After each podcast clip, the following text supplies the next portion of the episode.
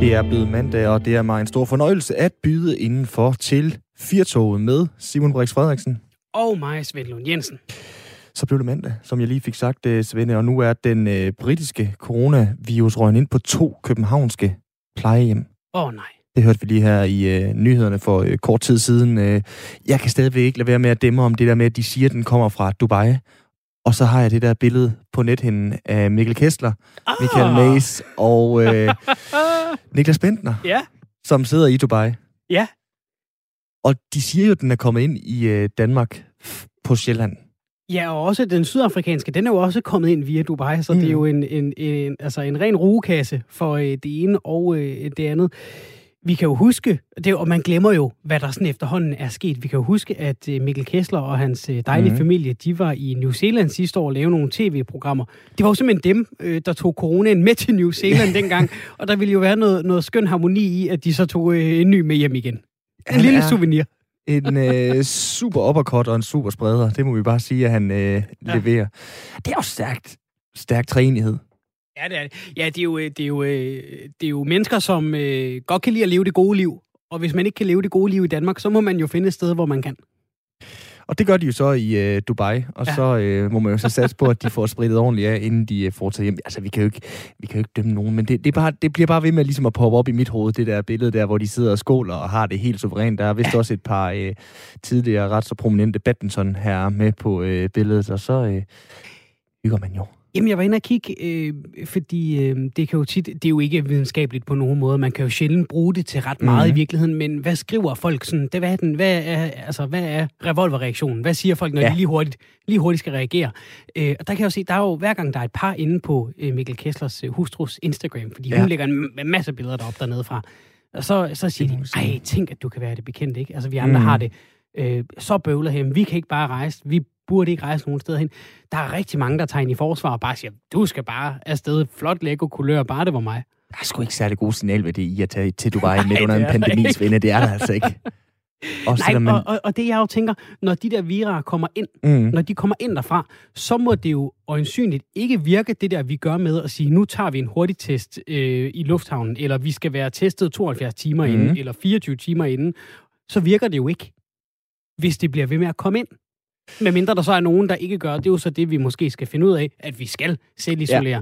Der var et øh, klip, øh, jeg tror det var TV2, der havde talt med ham, sådan en øh, hurtig gut, der var kommet hjem fra en ferie i Sydafrika. Han skulle ikke, han skulle ikke selv isolere, han skulle ned i Netto og handle til en middag, ikke? Ja, ja, selvfølgelig. Øhm, det er da klart. Det og det virker jo grotesk for alle os andre. Ja. Og det der med, at de kan ikke se perspektiverne i det. Nej, det- nej. De kan kun se perspektiverne i, de mangler mælk, og derfor skal de i netto. Ja. Nå, det var øh, de første tre minutter af mandagens udgave af Firtoget. Der har altså udsyn, kan I godt mærke, kære lyttere. Der vi er, kommer vidt omkring. Vi har allerede været på et Københavns plejehjem i Dubai og en tur i øh, Sydafrika. Vi skal også en tur til Rusland, og vi skal en tur mm-hmm. til Mhm. USA, og så skal vi en tur ud og gå her i øh, den første time. Det er sådan lidt pakket ind og øh, kort beskrevet noget af det, vi øh, byder på i, øh, i den her time. Svend, er du god til at gå ture? Ja, jeg er sådan okay. Jeg er blevet bedre til det. Jeg har tit tænkt, nej tak, Ja. det, det vil jeg ikke. Jeg kan godt gå et sted hen, men, men det der med gå f- bare for at gå, øh, ellers tak. Nej, nemlig. Jeg, jeg har hjulpet lidt med nøj- coronatid. Ja, lige præcis, fordi jeg har haft det på nøjagtig samme måde. Jeg har nærmest heller ikke kunne overse tiden til det.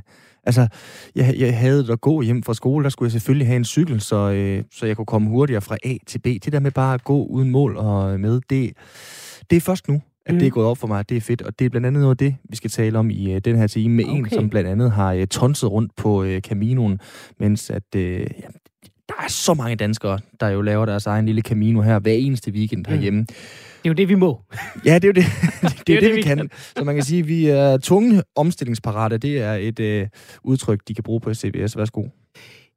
Nu kommer jeg lige til at tænke på, jeg sad lige og fandt det frem nu her, mens du øh, talte om at gå. Fordi nu, nu kommer vi jo til, lidt til at sidde mm. på den moralske høje hest og være sur på sådan en som Bentner og Mhm. mm. og, øh, og hvad de ellers sidder ude i, ude i Dubai der. Øhm, hvad hedder det? Og jeg kan huske, at der, øh, der var et øh, Facebook-opslag på Lokalavisen Aarhus. Lige omkring nytår, der var en øh, byrådskandidat her i Aarhus, der sagde, øhm, det er på tide, vi forbyder fyrværkeri. Og så var der en, øh, en læser, øh, der hedder Eline, der skrev, vi kan også bare alle sammen begå kollektivt selvmord. ingen fester, ingen kød, nul alkohol, ingen fyrværkeri, ingen sjov i gaden. Det er nok ikke lige under corona, man skal foreslå det. Hold kæft en spade. Så det kan også være, at vi måske bare øh, skal, øh, skal sige... Øh, Lad la, la leve. Lev og lad leve. Ja, lev og lad leve. Det var øh, vel nærmest en uh, James Bond. Måske kunne vi bare begå kollektiv selvmord. Det er jo i hvert fald en, det er jo, det er jo en, en, en, hvad kan man sige, en yderliggående konsekvens. Man må måske godt, der må godt, måske godt være et sted imellem. Kan vi snakke om tingene, og så kollektiv selvmord? Prøv at høre her. Vi kan godt her i Firtoget trække øh, en øh, streg mellem to øh, punkter, som næsten ikke eksisterer. Så sige, vi ligger os på den bløde middelvej her på sporet. Rigtig hjertelig velkommen ind for til Firtoget. Har du lyst til at byde ind?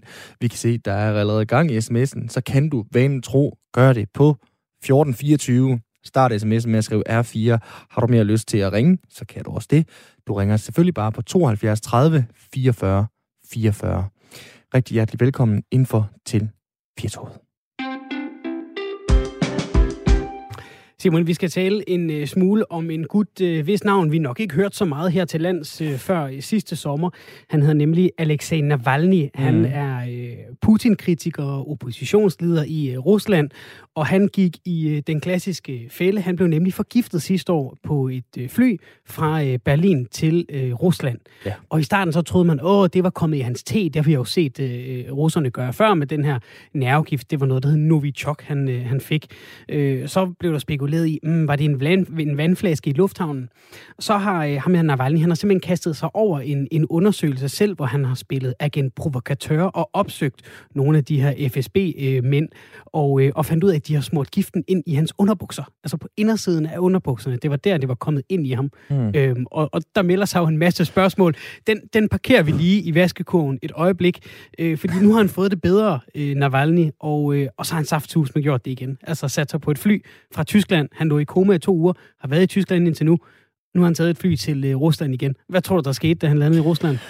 Ja, det er vel relativt nemt at regne ud. Han var ikke engang kommet ud af paskontrollen, så blev han anholdt. Det er klart. Øh, han, han har efter sine selv sagt til, øh, til øh, politiet, der stod klar til ham, har I ventet på mig længe? Ja. øhm, og der er, jo, der er jo tit et anderledes humør i, øh, i Rusland. De, han, han vidste det ligesom godt.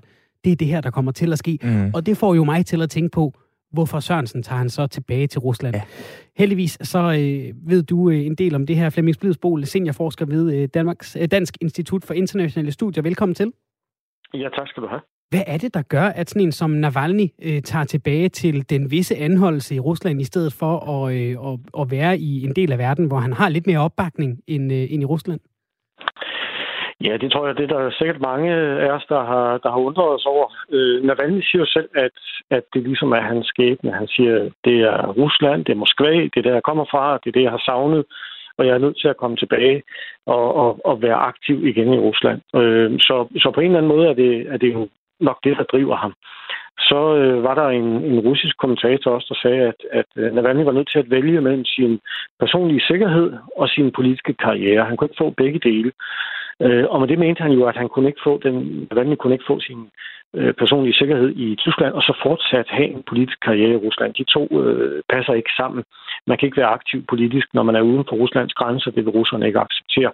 Så, så hvis han skulle ligesom fortsat have en karriere i, i Rusland, jamen så er han også nødt til at vende tilbage. Og, øh, og er der noget, der, der tyder på, at det her øh, stigende internationale pres kan hjælpe med at, at give noget momentum til en reel opposition og give ham noget sikkerhed? Øh, eller går det lidt som, som det plejer, at øh, det bliver nødt til at være en anden? Jeg tror, det går lidt som det plejer. Nu kan vi jo se, der er kommet øh, selvfølgelig nogle reaktioner øh, internationalt, også fra dansk side, fra, fra en række store lande, også øh, USA, øh, Storbritannien, øh, Tyskland osv., kommer jo med, med lignende øh, Øh, fordømmelser og kræver, at han bliver løsladt.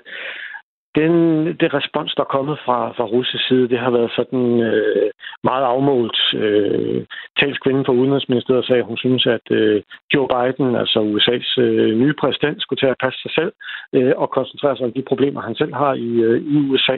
Så, så, øh, så modtagelsen har været sådan lidt kølig fra, fra russisk side, og jeg tvivler på, at, øh, at fordømmelserne i hvert fald vil være noget, der sådan på alvor går indtryk. Flemming, det kan være sådan lidt Adam og Eva at spørge om det her, men, men hvem er han, den her øh, Alexei Navalny, og, og, og hvad er det for noget Rusland, der venter ham, siden han altså tager tilbage? Ja, vi omtaler ham jo typisk som leder af den russiske opposition. Det er jo sådan lidt forkert på en måde, fordi han leder jo ikke dem alle sammen. Han leder sin egen bevægelse, øh, men, men det er fordi, han er den mest fremtrædende, sådan den mest øh, direkte, den der råber højst, og den der provokerer mest, øh, og, og derfor har han ligesom fået den her status. Han er jo øh, en politiker, som oprindeligt blev kendt på at være korruptionsjæger, det vil sige, at han afslørede korruption, og det er der jo masser af i Rusland, øh, korruption og nepotisme, øh, sådan i toppen af det russiske system, og det har givet ham mange fjender. Øh, og det har han gjort på de sociale medier. Og så er han så øh, efterfølgende jo i stigende grad sprunget ud som politiker, også på de sociale medier. Øh, og hvis man læser hans politiske program, så drejer det sig først og fremmest om egentlig at få, få afmonteret det her styre, der er i dag. Altså få væltet Putin, de folk, der er omkring Putin, få skabt et demokratisk og, og, og mere frit Rusland. Øh, altså Rusland, som, som skal begynde på et helt nyt kapitel. Og, og, og det er det primære, han går efter. Øh, så er der en masse detaljer sådan i hans øh, politiske program, som måske ikke er helt færdigudviklet, men, øh, men det er sådan hovedessensen, det er på væltet Putin og, og få skabt et nyt øh, politisk system i Rusland. Og sådan en som, øh, som Navalny her, så øh, Putin, han holder jo det her årlige pressemøde, hvor han så er blevet spurgt til, øh, til det her, øh, det her øh, Navalny's teori om, at, at det er FSB, der har prøvet at slå ham ihjel med, med Novichok i underbukserne osv., og, og så har Putin sagt, øh, hvis vi ville have slået ham ihjel, så havde vi gjort det færdigt. Øhm, kan Navalny leve en, en, en fredelig, om en fængslet tilværelse i Rusland, nu hvor de ligesom har forsøgt og fejlet en gang, Altså simpelthen fordi vi jo alle sammen ville vide, hvem det så var, hvis han nu gik hen og sprang i luften eller blev forgiftet igen. Ja, det, det er jo en god pointe. Ja, det, det tror jeg faktisk ikke, at han kan. På trods af, at, at, at rigtig mange jo nu er, er, er, ligesom er fokuseret på, hvad der sker i Rusland, og det vil jo også, nu taler vi jo om ham. Øh, og, og det vil internationale medier og udenlandske medier gøre i et godt stykke tid nu. Men han lever alligevel livet meget farligt i Rusland, det er der ingen tvivl om. Og nu ved vi jo, at helt oppe i, i toppen af det politiske system er der en interesse i øh, at få ham skaffet af vejen. Men der kan også være andre. Der kan være folk, som, som frygter for deres økonomiske interesser, hvis han afdækker nogle af de her meget lukrative øh, økonomiske forbindelser, der er, altså den, den meget omfattende korruption, det er jo milliarder og milliarder af kroner, vi taler om der. Der kan være nogle, øh, for eksempel øh, ultranationalister, som, som også gerne vil have ham til livs. Der var faktisk nogle af dem, der var med frem i lufthavnen i går, de var så også i den forkerte lufthavn, jo, fordi de omdirigerede flyet, men de var mødt frem for at give ham en, en, en skriftlig advarsel øh, om, at han, øh, han skulle passe på. Øh, så, så der kunne være øh, der kunne være en del, som, som gerne vil af med ham, og, og på den baggrund så er det selvfølgelig endnu mere bemærkelsesværdigt også, at han, han sådan helt åben vender tilbage. Hvem er det, han har vækket, så at sige, i øh, Rusland, Flemming? Fordi det er ikke, fordi jeg skal lave en øh, sammenligning med øh, Bernie Sanders, men når vi ligesom hører om de her oppositionstyper, øh, som kommer lidt fra højre, så er det tit ofte de unge, de ligesom vækker. Altså, øh, hvem er det ligesom, som han har sørget for at inspirere Navalny i Rusland? Ja, det er, det er jo på mange måder nok en, en del af det samme segment, og, og så er der jo stadigvæk meget, meget stor forskel på dem. Altså det, det, det Navalny's øh, støtter vil, er jo også en smule diffus andet, end de vil, de vil meget gerne af med, med Putin, øh, og de vil gerne af med det styre, der er. Og hvad der så ellers ligger sådan i detaljer rundt omkring, det, det er sådan lidt anderledes. Øh, så, så på den måde er, øh, er der selvfølgelig nogle sammenligninger, nogle, nogle paralleller, øh, men der er også nogle ting, som, som er anderledes. Det, som Navalny kan, det er, at han kan jo inspirere håb i en specielt den yngre del af befolkningen, sådan den veluddannede del af befolkningen, øh, del af befolkningen, der bor i de større byer typisk, som, som oplever, at de, de støder ind i et system, som er gammeldags, som er konservativt, som er øh, lukket omkring sig selv, som er korrupt og som er nepotistisk, og som jo også betyder, at det kan være rigtig svært at, at få en karriere. Det kan være svært at få en uddannelse i første omgang. Det kan være svært at få en karriere. Det kan være svært at etablere sin egen virksomhed, fordi hvis man bliver for succesfuld, så, øh, så risikerer man lige pludselig, kommer der en og banker på og siger, nu vil vi altså gerne købe øh, din, øh, din butik, og, og, og det er sådan, det er. Og der er en, en, en øh, sådan en stående vidighed i Rusland, at når man når op over øh, 1000 ansatte, jamen, så kommer der nogen og banker på, og så overtager de. Øh, og det er jo det, de gerne vil, mange af hans støtter gerne vil af med. Det er det, det, er det system, og der håber de så, at han kan være med til at bane vejen for, for, for noget andet. Øh, så på den måde er det, det er først og fremmest også et, et, et udtryk for håb om, om, en, om en form for forandring. Der er en, der øh, skriver på, øh, på sms'en, øh, Flemming, hvordan ved vi, at, at han er aktivist og ikke bare skør ligesom alle de andre? Altså, hvad, hvad er det, hvordan ved vi her, at, at Navalny er en at holde med? Fordi det bliver det jo tit, de her oppositionsfolk steder som Hvide Rusland og Rusland, så bliver det sådan lidt dem, vi per automatik holder med i, i Vesten. Ja, det, og det, det synes jeg er et rigtig godt spørgsmål. Og, og grunden til, at vi tit holder med dem, det er jo fordi, det bliver sådan, det bliver meget sådan endimensionelt, og det er fordi, det, det bliver meget sådan, øh, Øh, de gode mod de onde, og det har vi jo også lidt behov for. Ikke? Det er forholdsvis nemt for os tit at identificere nogen, som, som vi synes, nu, nu, nu er det altså gået for vidt. Øh, og, og, og folk, der så er i opposition til det, dem, dem tager, vi så, øh, øh, tager vi så ind til os og, og støtter. Øhm, Navalny har givetvis også nogle, øh, nogle politikpunkter, hvis han sådan får dem rigtig rullet ud, som vi ville synes var vanskelige. Øh, det er ikke givet, for eksempel, at han vil have et, et meget bedre forhold til, øh, til Vesten. Der har også været, specielt i Navalny's tidlige karriere, øh, øh, sådan lidt med nogle øh, nationalistiske strømninger i Rusland, som han siden har taget afstand fra, og, og egentlig også undskyld, at han var ude og, og slette nogle af de opslag, han lavede på det tidspunkt. Øh, så, øh, så det er ikke altid sådan øh, en til en øh, godt og ondt, øh, men, men netop fordi systemerne er, som de er, og, og der kan vi jo se aktuelt for eksempel på Rusland, og vi har også talt en del om Hvide Rusland, at systemerne bliver mere og mere undertrykkende, så er det også oplagt for os at tage fat i de folk, som er i, i, opposition til de systemer, og så identificere dem med noget meget positivt. Hvor stor en torn i øjet er det her på øh, Vladimir Putin og på øh, Kreml, og det er sådan ligesom etableret Rusland, det her? Det er, øh, det er, det er en, en, en tårn i røde. Jeg vil sige, øh, undskyld udtrykket, det er en, en hemorride at gå rundt med øh, for, for Putin, det her, fordi det er, øh, det er en træt situation. Han havde jo håbet på, må vi formode, at Navalny ligesom var blevet skaffet af vejen, og, og det lykkedes så ikke. Tværtimod så blev nogle af de her problemstillinger, øh, problemstillinger internt i det russiske system udstillet. Og der kom en rapport her i december, som, som øh, viste detaljer om, hvorledes det var sket, og det er jo dels baseret på noget inkompetence, men jo også øh, baseret blandt andet på, at, at der er læk internt i, øh, i de russiske systemer, og at rigtig meget er til salg. Så, øh, så nogle af de folk, blandt andet de her øh, graverjournalister i det, der hedder Bellingcat, de øh, får adgang til, øh, til pasregistre og øh, kørekorsregistre og telefonregistre og øh, adresseregister og alt muligt. Det gør de simpelthen ved at købe dem. Så der sidder korrupte embedsfolk rundt omkring på kontorerne i, i, i Rusland, inklusive også i Moskva, som gerne vil tjene lidt ekstra, og så sælger mm. de simpelthen sådan nogle oversigter. Og på den baggrund, så kan man jo simpelthen sammenstykke nogle ret øh, detaljerede profiler af de her efterretningsfolk. Hvor bor de henne? Hvem er de gift med? Hvad er deres kørekortnummer? Hvilken bil kører de i? Hvor er deres bil registreret? Hvad, hvor meget betaler de i gas? Øh, og så videre.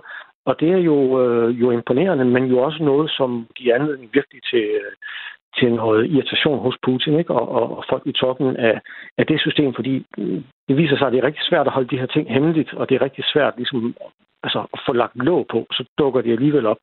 Og på den måde er det, er det virkelig en, en, en rigtig irriterende sag for, for Putin. Ja, det fylder jo, kan vi sige. Øh, nu øh, kører TV2 News i baggrunden her i studiet hos os. Der har Jeppe Kofod, udenrigsministeren, lige stået og forholdt sig til Navalny-sagen, og jeg kan se, at øh, det netop er kommet frem, at Navalny han øh, forbliver varetægtsfængslet i øh, 30 dage. Det har en øh, dommer i Moskva besluttet frem mod den her retssag, skriver det er hvor stiller det, øh, hvad kan man sige, sagen de næste, i hvert fald måneds tid? Altså, øh, folk bliver jo givetvis ved med at have fokus på det, eller hvad? Ja, det, det, det vil de jo nok gøre. Øh, internt i Rusland vil de, jeg vil mm, tænke, at den, det får ikke den, den, den, store respons internt i Rusland. Og det er simpelthen, øh, fordi det kan være svært at mobilisere så meget dynamik igennem længere tid. Øh, også fordi det er vanskeligt og farligt at øh, deltage i den slags. Det kunne vi i går, i, blandt andet i, i, i lufthavnen på Nuko, hvor i Moskva, og det var der, Navalny efter planen skulle lande, og der var politiet jo til stede, og de, øh, og de øh, tilbageholdt jo folk, som var kommet for at vise deres støtte til, øh, til Navalny. Og så er der lige trådt en række love kraft i Rusland. De blev vedtaget af Dumaen tilbage i december, sådan ret hurtigt som øger kontrolmulighederne for styret, og som gør det vanskeligere at være i opposition. Det gør det vanskeligere at komme ud på gaden og vise sin modstand mod styret. Så, så det vil være rigtig svært. Internationalt vil jeg også gætte på, at, øh, at, at, at en del af det her pres, det, det forsvinder. Opmærksomheden vil forsvinde her i løbet af januar måned, når vi går ind i februar.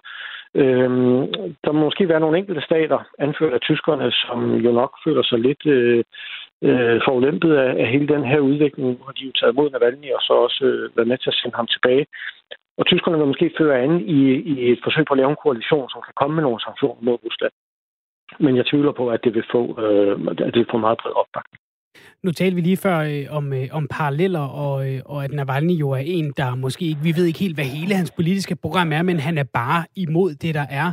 Og det er jo lidt det samme som øh, Svetlana Tikhanovskaya i Hvide Rusland, som har taget over efter sin mand som oppositionsleder der.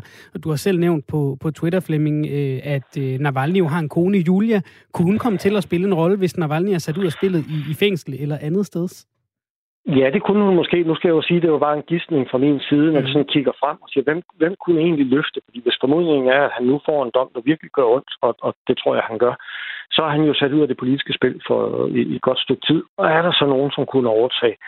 Og det har jeg svært ved at se. Øh, han er omgivet af rigtig dygtige folk, men jeg har svært ved at se, at de ligesom kan finde det ekstra gear, der skal til for, at, at at, at få den samme gennemslagskraft, som Navalny har fået. Og så, øh, og så er der jo den mulighed, øh, igen bare en gidsning, men at hans kone for eksempel kunne træde til, og hun er jo lidt blevet trukket ind på scenen. Hun kom jo øh, ind på scenen, specielt i august måned, da hun øh, sådan åbent og offentligt appellerede til Putin, om ikke godt han ville tillade, at Navalny blev udskrevet og overført til, øh, til Berlin, og det gik Putin jo så med til. Så der, der trådte hun ligesom ind og, og øh, stod foran kameraerne også og, og var aktiv der. Øh, så jeg vil ikke udelukke det, men, men jeg har heller ikke nogen indikation på, at hun overvejer det. Men øh, inspireret måske øh, netop, som du siger, at, at det, der er sket i Hvide Rusland, så kunne det bestemt være noget.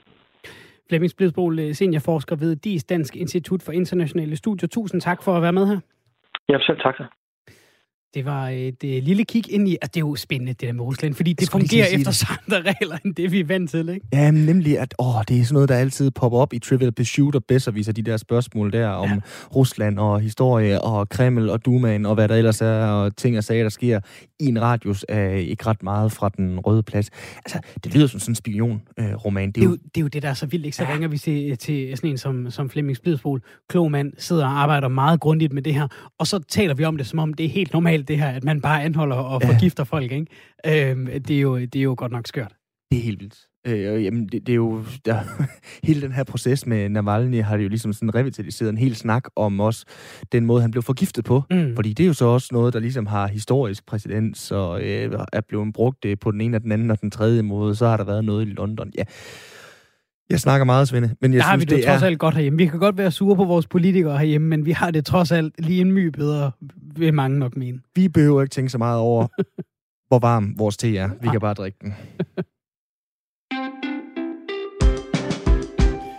Nå, hvad har du så lyst til at lave? Hvis du har fået det spørgsmål af en ven, en øh, kæreste eller en rumbord, så har du erfaret, at øh, i de her coronarestriktive tider er der ikke så hulens meget at vælge imellem. Det er mest oplagt at gå en tur. Vi har spurgt øh, hinanden om det nærmest hver øh, mandag, Svende, når vi har holdt redaktionsmøde. Hvad har du så lavet i weekenden? Mm. Og øh, svaret har været, jeg har gået mig en øh, lang tur. Om ja. det er så med ens afkom eller ens øh, bedre halvdel, det har sådan været et fedt. Ja. Mange, der bevæger sig uden for øh, hjemmets fire vægge, jeg lytter, kan nok også se, at øh, vi går flere ture, end vi plejer os danskere. Og måske er du øh, ved at være lidt træt af at gå den vanlige tur rundt i nabolaget, så har vi ringet til en, som kan fortælle lidt om den her lange gåtur. Velkommen til dig, Eva Mikkelsen. Ja, tak for det. Du er blandt andet øh, pilgrim og holder foredrag om øh, en rigtig lang gåtur af slags, nemlig øh, Caminoen. Hvad er det, den lange gåtur, den kan?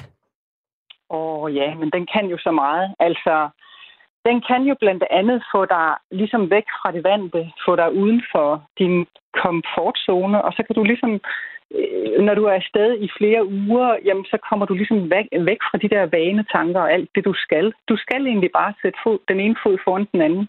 Og det vil sige, det giver egentlig plads til øh, nogle helt andre tanker og en anden sindsstemning, end, end den, du er vant til. Øh, hvis man kan forstå det at gå som ligesom at trække vejret, ligesom at det bliver en slags meditation. Og det giver altså et løft i dit liv øh, og kan give plads til øh, noget større. Øh, en frihed, en lethed, en mildhed, som du måske ikke kender fra, din daglige, øh, fra dit daglige øh, travle liv. Jeg kan jo det er sådan det ene. Ja, nemlig, for ja. jeg, kan jo, jeg kan jo i hvert fald selv uh, nikke super meget genkende til det her. Jeg skulle altid synes, det var lidt kedeligt uh, at gå, uh, fordi at, uh, hvis ikke jeg skulle fra A til B, hvad skulle jeg så bruge så lang tid på uh, noget på? Så kunne jeg lige så godt løbe mig en tur eller et eller andet. Men det her meditative i det, Eva, det er jo det, der vil er interessant lige i øjeblikket, når så mange går ture, som vi gør. Man plejer vel at sige, at det eneste, der kommer af sig selv, det er lommeul. Det her med det meditative, kommer det af sig selv, hvis man bare går? Øh, det, ved, altså, det kan da godt være, at man skal have lidt hjælp undervejs, og jeg vil sige, måske kommer det heller ikke bare lige på den almindelige søndagstur, hvor man går fra A til B, og klokken 4 skal man hjem og se en film eller sådan noget. Mm. Men, men jeg tænker, altså hvis man virkelig har en motivation og vil, vil altså, vil kaste sig ud i en lidt længere vandring, altså måske mere end bare et par dage, måske mere end en uge faktisk, så vil jeg sige, ja, så begynder det, så begynder det altså at indfinde sig øh, en ro, men også måske nogle andre tanker end dem, du normalt øh, går og tumler med. Og det, det vil sige, at du så kan, kan komme, eller komme dybere med dit liv. Du kan komme til indsigt og refleksion over rigtig mange ting. Og det øh, synes jeg er en stor gave. Og hvis du så har den der lange gåtur i din rygsæk, så at sige, i din krop, i din erfaring, jamen så er, skal der egentlig ikke så meget til, når du så har hjemme på en kort, kortere coronatur en weekend, øh, begiver dig ud i det danske landskab. Det, jeg synes, øh, det giver noget.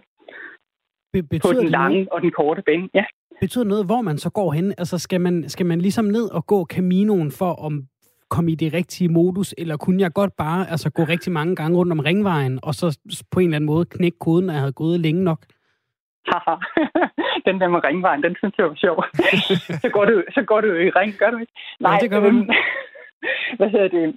Altså, du behøver jo, altså lige nu kan vi jo ikke komme nogen steder hen, så Nej. der er det jo oplagt at gå ud i den, i den danske natur. Mm. Og selvom jeg er sådan en, der har taget til Spanien de sidste 24 år og har gået måske, jeg ved ikke, 7-8.000 kilometer i alt på mange forskellige kaminoer, jamen så har jeg jo også måttet måtte finde ud af, jamen okay, den her sommer, hvad gjorde jeg så? Jeg købte et lille telt, der vejede lige så meget som en pakke havregryn, og så begyndte jeg at gå. Jeg gik tre uger i Danmark, og det var jo fuldstændig forunderligt.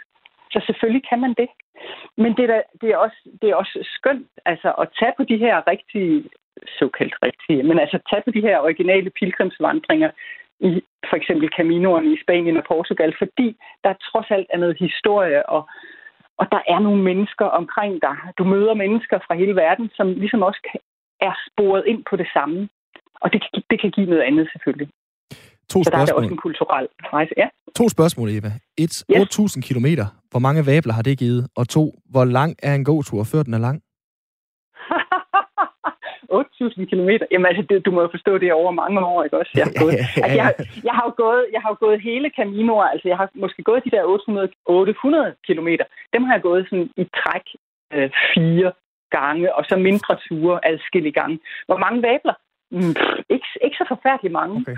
Øhm, og hvad var, det, hvad var det, det andet spørgsmål Jamen, det er det her med, altså vi snak, nu snakker vi om lange gåture, hvad det kan give. Øhm, ja. altså, hvor lang er en gåtur, før Nå, ja. den er lang? Jamen, jeg tænker, altså, jeg tror, man skal, man skal måske igennem nogle lag, fordi som det første, så er det jo egentlig vores krop, der begynder at få det godt af at gå. Mm når, når vi er kommet over de der dumme vabler, eller, eller hvad der nu kan være. Ikke? Men, og det har jo en, en påvirkning også på det mentale helbred. Og så er det ligesom om, at når, når det begynder at være i synk, jamen så, øh, så, så, så begynder der at, at ske noget, synes jeg. Så hvor langt er det? Hvor langt er det? Det er måske individuelt. Jeg kan ikke, jeg kan ikke give dig et klart svar, svar på det. Men det... altså, tage ud en, i Mols bjerge, eller hvor pokker det nu er, du, du vil vandre her næste weekend, gå 15-20 km øh, to dage i træk, så får du altså færden af det, synes jeg. Og øh, hvad skal man gøre for at forberede sig? Altså, øh, skal man, man skal vel selvfølgelig lige have lidt, lidt vand og lidt mad med, måske, så man kan have mulighed for at proviantere lidt undervejs og, og få lidt i sig. Men hvad skal man indstille sig på? Altså, skal man lægge en rute fra starten? Skal man bare gå? Hvad skal mindsetet ligesom være for at, øh, at, at få den, øh, den gode oplevelse hele vejen igennem? Så jeg tror at måske, man, hvis det nu er i Danmark, man vandrer, det kan da være en god idé, at man lige sådan lidt på forhånd ved, okay, øh, sover jeg i telt, eller sover jeg i bed and breakfast, eller hvordan, hvordan gør jeg? Øh, så man ligesom har den der store øh, overvejelse på plads. Men så synes jeg, der skal være plads til, at man også improviserer. hov, her var en shelterplads, den, her, den, den er slet ikke på kortet, jeg tror, jeg sover her. Eller hvis man har et telt, så er man endnu mere fri, ikke også? Fordi der kan man bare slå telt op i 179 øh, skove i Danmark.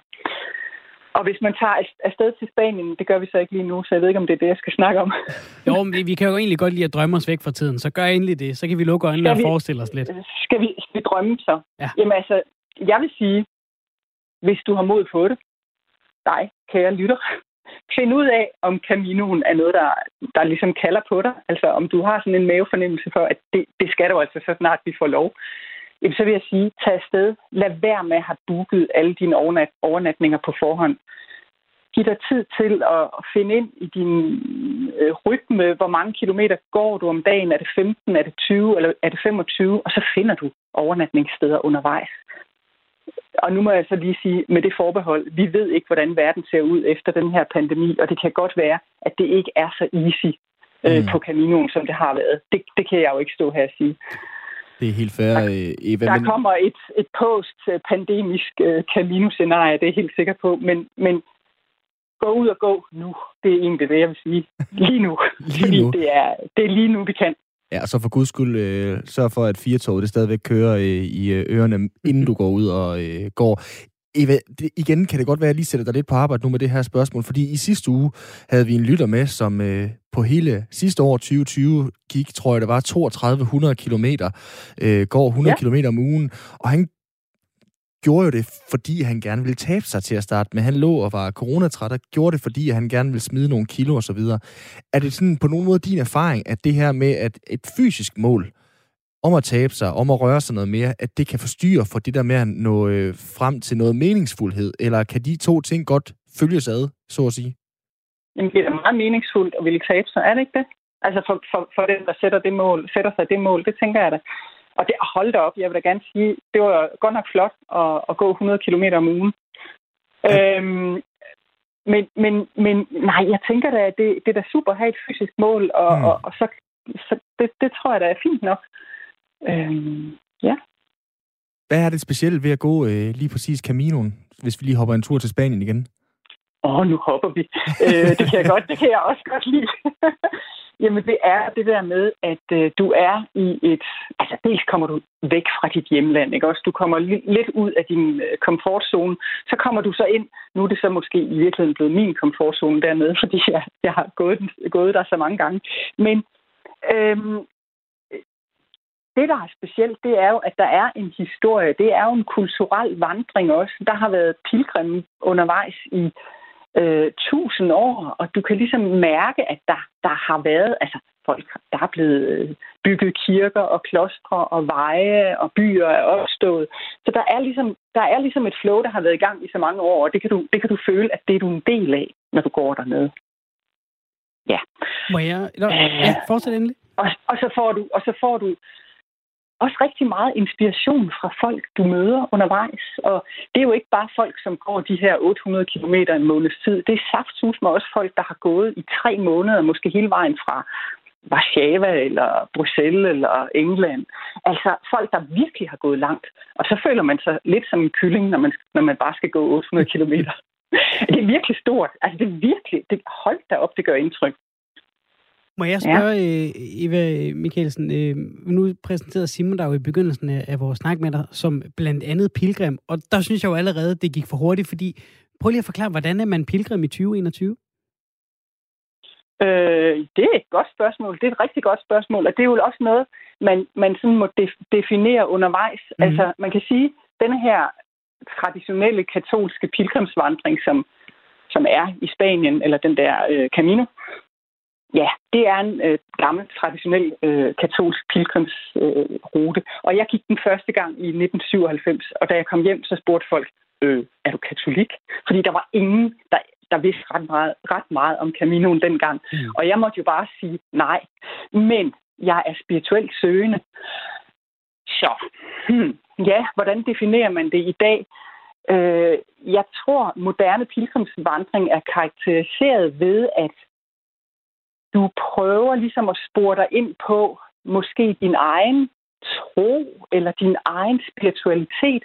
Og hvis du er lad os sige, katolsk, jamen så er der måske ritualer og ting og sager, du, du kan bare tage ind, som, som du møder der nede i Spanien. Det er ikke så let for, for en nordboer, bare sådan at helt gå ind i det der, synes jeg. Men øh, måske er der alligevel noget, du kan, øh, du kan forberede dig på øh, øh, at gøre undervejs. Øh, var det svar nok? Jamen, det synes jeg. Nu, og nu siger du, at du er spirituelt søgende, og nu snakkede vi om at finde det meditative i, i, i gåturen. Ja. Yeah. Fandt du så andet end det meditative? Okay, ja. jeg fandt Men- så rigtig meget. Også Jamen, noget altså, spirituelt? her. Jamen også, ja, og det, ved du hvad, det, det vil jeg sige, det, det tror jeg er svært at snakke om i Ja. radioen, men, men altså, du ved, du kommer igennem forskellige fantastiske landskaber. Du møder mennesker fra hele verden. Øh, du går ind i hellige, øh, i kirker, i bygninger. Du ser stor kunst, altså virkelig smukke bygningsværker, kirker og klostre. Ja, og så kan man så sige, at der opstår nogle stille rum undervejs, hvor der er helt stille, hvor, hvor du også går alene, og der opstår også nogle rum, hvor du er i samtale med folk. Og de der spørgsmål, som man møder, øh, når, man, når man møder folk ude i verden, altså det er jo ofte sådan, hej, hvor kommer du fra? Men på, på Caminoen, så går det nogle gange et spadestik dybere, og så er det sådan noget med, hvorfor går du her? Så begynder man ligesom at tænke over det spørgsmål, ja gud, hvorfor går jeg egentlig her? Mm. Og så bliver der sådan nogle samtaler, som ligesom, ja, hvor man begynder virkelig at reflektere over sit liv. Og nu spørger du til det spirituelle. Tak fordi jeg får så meget, meget taletid. men, men jeg synes, jeg synes jo, altså det der med at have gået sig varm, øh, både fysisk og mentalt, det gør jo, at jeg, jeg, jeg har i hvert fald i hver eneste gang, jeg sådan er ved at være færdig, eller er færdig med en, med en lang camino, så har jeg det som om, at, hvordan skal jeg sige det, mit hjerte er blødt, let, fyldt og åbent. Altså, jeg føler mig på en eller anden måde meget større. Ja, ja. og der er ligesom en, en plads til noget helt andet end, end min daglige øh, trummerum, hvor jeg har travlt, ligesom alle andre mennesker. Ikke? Det er jo en fed snak, det Ej. her, øh, Eva. Ej, men jeg nu lover jeg, om nu jeg får du sidste svaret om- spørgsmål. Nå, okay. og, og jeg er ligesom kænguruen i det her interview, fordi jeg springer lidt øh, Du rundt. Ja. Så øh, nu hopper vi øh, hjem til Danmark igen, og Ja. tænker at slutte af med, hvad er den bedste gåtur herhjemme ifølge dig? hold nu op, det kan jeg slet ikke svare på. Og det, det, det, men det, kan man jo ikke, det kan man jo ikke bare sådan sige, vel? Fordi der er så mange skønne gåture i Danmark. Jeg kan sige, at i sommer, der gik jeg op omkring Skagen i det der område en uge, og så gik jeg i Thy en uge, og så gik jeg på, på Møn en uge. Mm. Og tre meget forskellige steder. Men jeg bor selv i Søhøjlandet, og det synes jeg jo er vidunderligt. Øh, og jeg plejer også faktisk, når der ikke er corona, så laver jeg også øh, vandringer, altså guidede vandreture hernede, øh, Mm. pilgrimsvandringer, og jeg tager også folk med på Caminoen. Det har jeg sådan set gjort i 10-11 år. Mm, ja, men den bedste gåtur herhjemme, hold da op. Der er så mange. det, det, det er skidt med svært at svare på. Vi kan godt lide at stille øh, svære spørgsmål, Eva. Prøv at høre, Jamen, er vi øh, sender den ud til øh, lytterne. Der er garanteret nogle lokalpatrioter, som kan svare på, hvor de lige præcis synes, den bedste gåtur er. Skagen, den kan jeg godt være med på som nordjyde op ved Robbie Amil og hvad der ellers er der. Alt det der, ja. Og, og Mols Bjerge for Søren og jamen, hele Thy er vidunderlig. Øh, Vesterhavet, øh, Djursland, øh, ja, you name it. You name it. Tusind tak, Ja. fordi du var med her, Eva Mikkelsen. Selv tak for det. Øh, det var da, ja, godt. Det var en fornøjelse. Hej, Eva. Hej, hej. Og ja, som lovet, lad os lige sende den ud til jer, kære lytter derude. Prøv lige at sende os en sms og fortæl os, hvad er den øh, bedste gåtur, som øh, lige præcis I kan komme mm. på. Mhm. Har du en, Svende? Nej, altså jeg kan meget godt lide at gå ned, og det er jo, det er jo sikkert ikke særlig specielt, men øh, når man nu endelig skal, så gå ned forbi øh, havnen og ud mod øh, skoven øh, ved- Rigskov her mm. i Mhm. Aarhus, fordi så kommer man forbi skov og vand, og det er, sådan, det er rart, så får man lige sådan det der hug af, af natur. Det, det kan jeg faktisk meget godt lide. Det, men den er, den er nok, altså, den er virkelig ikke, det er ikke den hemmelige perle, den her. Nej, Den er meget nej. gængs benyttet, tror jeg. Det behøver det heller ikke være. Jeg kan godt lide storheden ved at tøffe rundt op ved øh, Vesterhavet op i øh, Nordjylland også. Mm. Prøv at høre, send os en sms på 1424, start med at skrive R4, og så giv os din bedste corona-gåtur. Fra Danmark skal vi en tur til udlandet nu. Ja, fordi øh, det var jo virkelig nogle øh, vilde billeder, vi så øh, forleden fra den amerikanske kongres, og så er der jo så hele det her efterspil, øh, hvor øh, vi kan se øh, flere af de her mennesker, som øh, er trængt ind i øh, kongressen under den her storm på på kongressen den, øh, den 6. januar, der er kommet et øh, restligt efterspil. De er blevet, øh, blevet anholdt og, og sigtet og så videre. Martha Chansley kender du måske ikke, men du har måske set hendes søn. Han var nemlig en af dem, der brød ind i kongressen i, iført bar mave, pelshue med horn og det amerikanske flag malet i ansigtet. Der er mange af os, der har set netop billederne af ham. Han hedder Jacob Anthony Chansley, også kendt som Jake Angeli eller Q Shaman, altså sådan en øh, shaman, og der passer den der bjørneskinshue, eller hvad det nu er, egentlig meget godt ind. Han øh, kommer fra Arizona. Q, det er for QAnon, der er den her konspirationsteori, og, og som han er tilhænger af. Og øh, TV2's korrespondent Rasmus Tantholdt, han har fået ekstraordinær adgang til Martha Chansley, altså Jakes mor, i sidste uge. Hun bor i Phoenix, Arizona. Og øh, lige nu har vi dig, Rasmus Tantholdt, med fra USA. Velkommen til programmet. Mange tak. Du er øh, fortsat i øh, USA. Lad os lige begynde med, med det brede billede, før vi zoomer ind på, på Phoenix, Arizona og dagligstuen der. Hvordan er stemningen omkring dig lige nu i øh, USA? Altså, øh, der har været sådan en, hvad kan vi kalde det, ret nervøs stemning. Altså, der er mange folk, der stadigvæk er øh, chokeret øh, over det, der skete. Øh, I så alle sammen billederne, hvor kongressen blev stormet, og øh, meget havde man måske forventet sig øh, under Trumps præsidentskab, men jeg har ikke mødt nogen indtil nu, øh, som øh, på nogen måde havde forestillet sig, at vi ligesom skulle ende der. Øh, så det er noget, som folk har været chokeret over. Så de seneste par dage har de jo været bekymret for, at det her nu noget, der kommer til at ske igen, altså lignende øh, uroligheder, måske på en anden måde og andre steder. Øh, er det her en bevægelse, der er i gang, som vil skabe en lang periode med masser af uroligheder, og hvad kan det ende med, osv. Så det er ligesom det, som mange har været rigtig bekymret for. Og øh, så lad os øh, prøve at høre, hvordan det gik det her møde med øh, Martha Chansley, altså Jake Angelis mor. Du var på besøg hjemme hos hende. Hvordan var det? Det var en speciel oplevelse, i hvert fald hvis man som øh, dansker øh, ikke før har mødt nogen, som tror på, at øh, der findes en, en ring af øh, ledende politikere og forretningsfolk og øh, skuespillere fra Hollywood, som øh, er en del af en satanistisk, kannibalistisk, øh, satanistisk øh, ring, øh, som forsøger at omstyrte hele verden.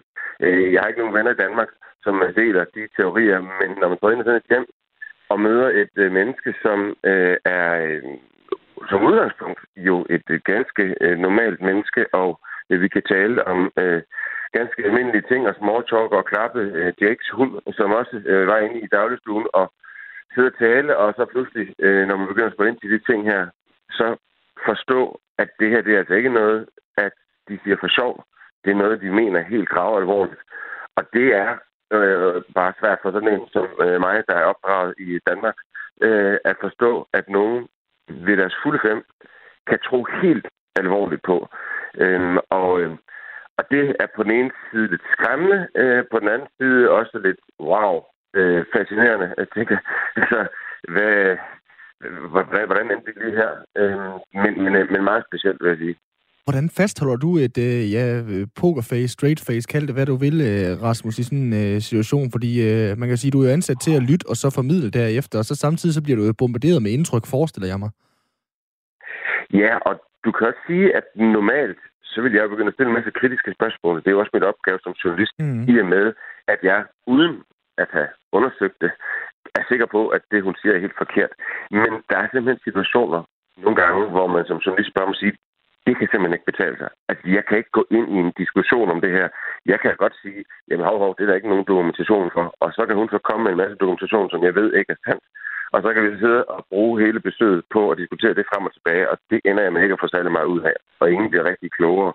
Så jeg valgte ligesom i situationen øh, ikke at stille en helt masse uddybende spørgsmål til den her teori, men måske bare lade det, hun sagde, tale for sig selv, og så lade serierne vurdere. Øh, for det her, det er jo en lille familie, hvor at både mor og søn er øh, enige om, at de her teorier, det, det er altså noget, der, der virkelig er sandt.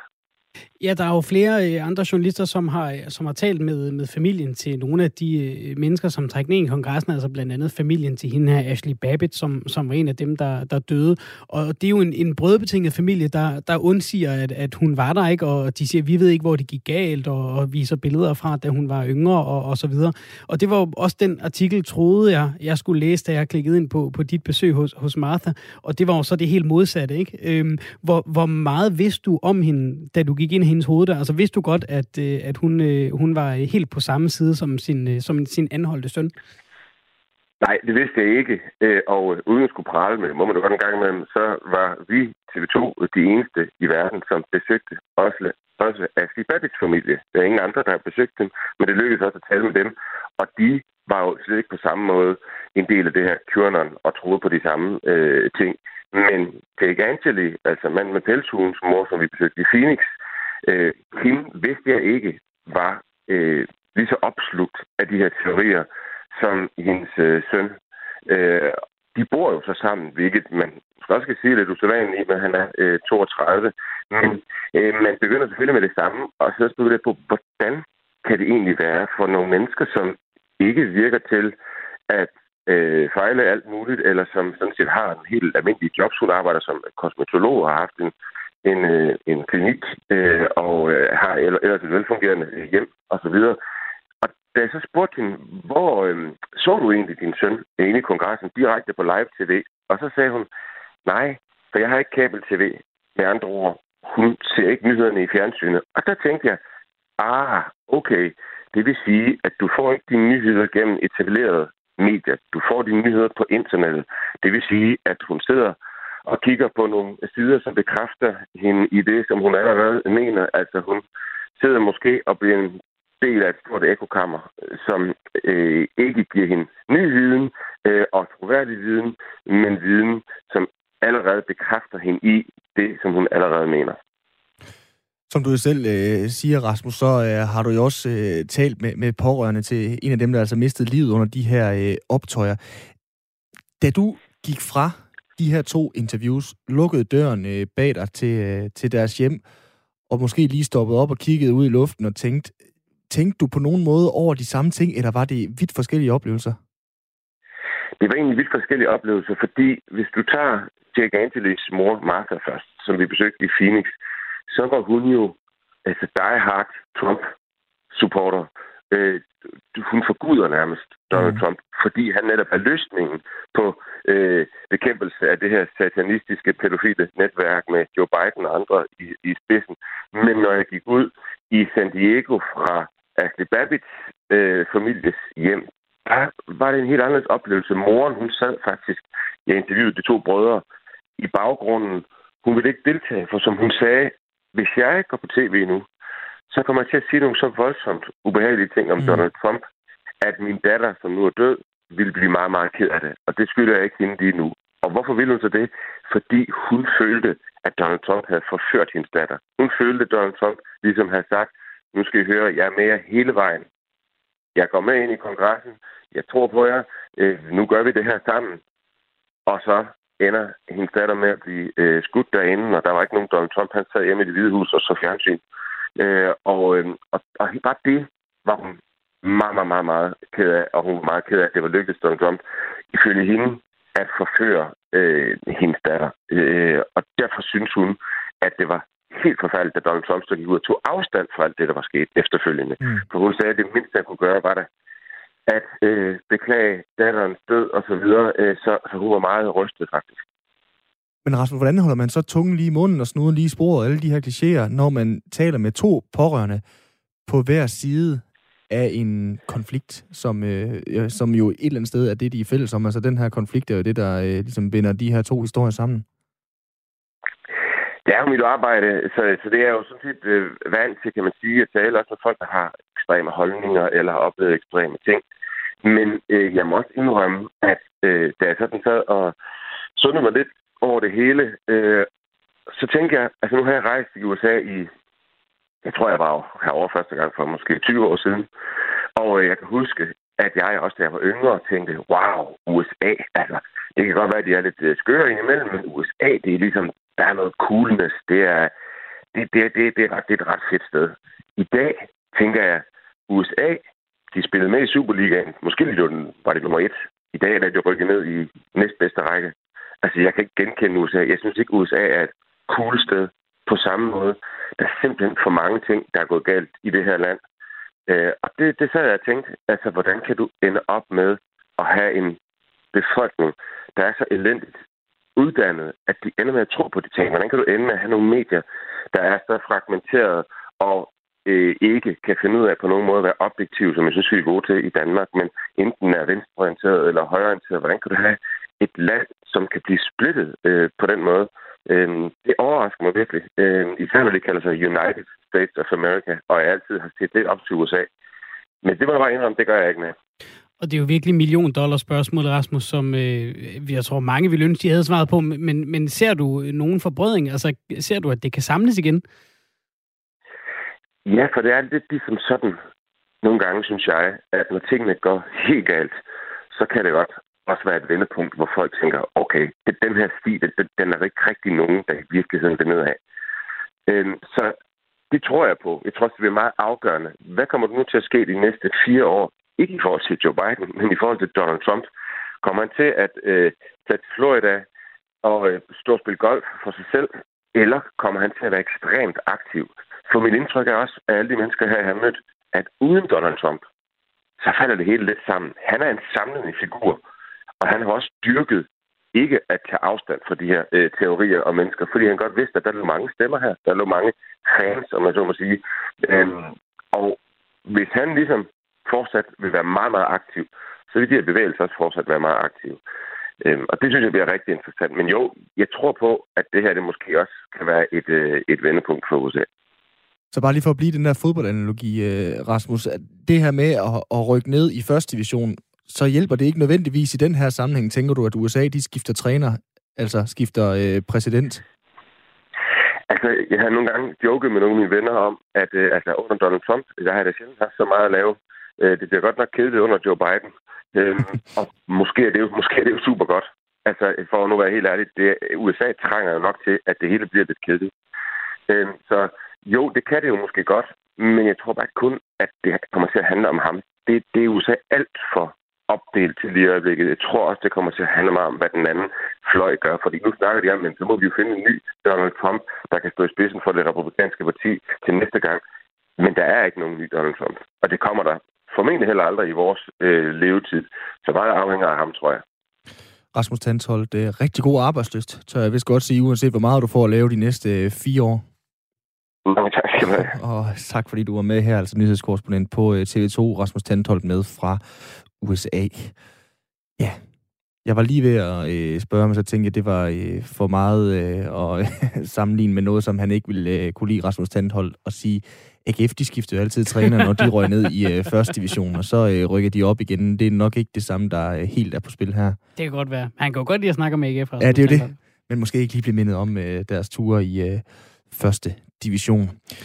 Jeg kan se, der er en, der skriver her på sms'en, stop jeres løgn. Trump har ikke sagt, kom, vi stormer det hvide hus. Og nej, det er jo isoleret set rigtigt. Han sagde ikke præcis de ord, men det er jo en retorik, som er bygget op over mange år. Øhm, og, og vi har også kun set mange af de her videoklip, der er kommet mm. ud her i dagen efter, hvor, hvor mange af de her folk, der stormede øh, øh, kongressen, siger, vi er inviteret af Trump, det er ham, der har sagt, vi skal gøre det her. Øh, tweeter han noget? Hvad, hvad siger han til os? Hvad skal vi gøre? Det er, vi gør det her, fordi han har sagt, vi skulle gøre det. Så uanset om han har sagt de præcise ord eller ej, fordi nej, det har han ikke sagt, kom, vi stormer kongressen. Han har sagt, vi går derned, og så har han fortalt dem, at øh, alle dem, der sidder derinde, er dybt korrupte, undtagen nogle, øh, nogle få af dem. Øhm, så så det, er jo, det er jo sådan en, en push-and-pull-effekt, øh, mm. kan man sige. Om et par dage, så er det den 20. januar 2021, og det bliver altså dagen i Washington, hvor at Joe Biden han officielt bliver indsat for den her inauguration. Jeg kan aldrig sige det rigtigt. Inauguration. Inauguration, tak, ja. fordi du er bedre til det, end jeg var, Svende. Og bliver øh, de facto officielt amerikansk præsident. Sådan kom vi igennem øh, første time. Mm. Der var vi både på øh, gåtur i ind- og udland, og så en tur i Rusland og i øh, USA. Jeg har tjekket lidt nu, spurgte du, hvor meget jeg går. Og jeg, noget af det, jeg er begyndt at, at gøre meget her i løbet af det her coronaår, det er, at øh, min søn og jeg, vi er begyndt at spille Pokémon Go. Vi er kommet lidt sent med på bølgen. Det var mm. jo stort i 16, der var han tre år, så det var, det var måske lige tidligt nok. Også for mig, tror jeg. Nu hviler jeg måske lidt mere i, i, i mit forældre selv. Jeg, jeg kan se, altså, så kan man se i spillet, hvor, hvor langt har man gået. Mm. Fordi det er også en del af det, ligesom det lokker ja. den. Det, ja, ja, det har jeg jo bare givet dem lov til. Ja. Øhm, så det er jo ikke målrettet gåning. Det er jo altid, når jeg går. Så det vil også sige, at den tæller også, når jeg går ned efter vasketøj, mm. eller når jeg går ned og handler. Men jeg har væk gået altså 2800 km siden april sidste år. Ja, okay. Så har du fået tons. Der er blevet fundet nogle Pokémon. Vi har fundet nogle Pokémon. Ja, det må vi sige. Ja. Vi har jo som sagt spurgt jer lytter, hvad for en gåtur, der er den bedste corona-gåtur i øh, Danmark. Og der fik vi en sms, der slet og ret skrev den næste. På samme måde, der er det med firtoget. Hvad for en time af firtoget er den bedste? Det er den næste. Vi er nemlig tilbage om 5 minutter, når der har været en nyhedsoverblik her på Radio 4 med en hel times mandags 4 til dig. På genhør, klokken den er 16.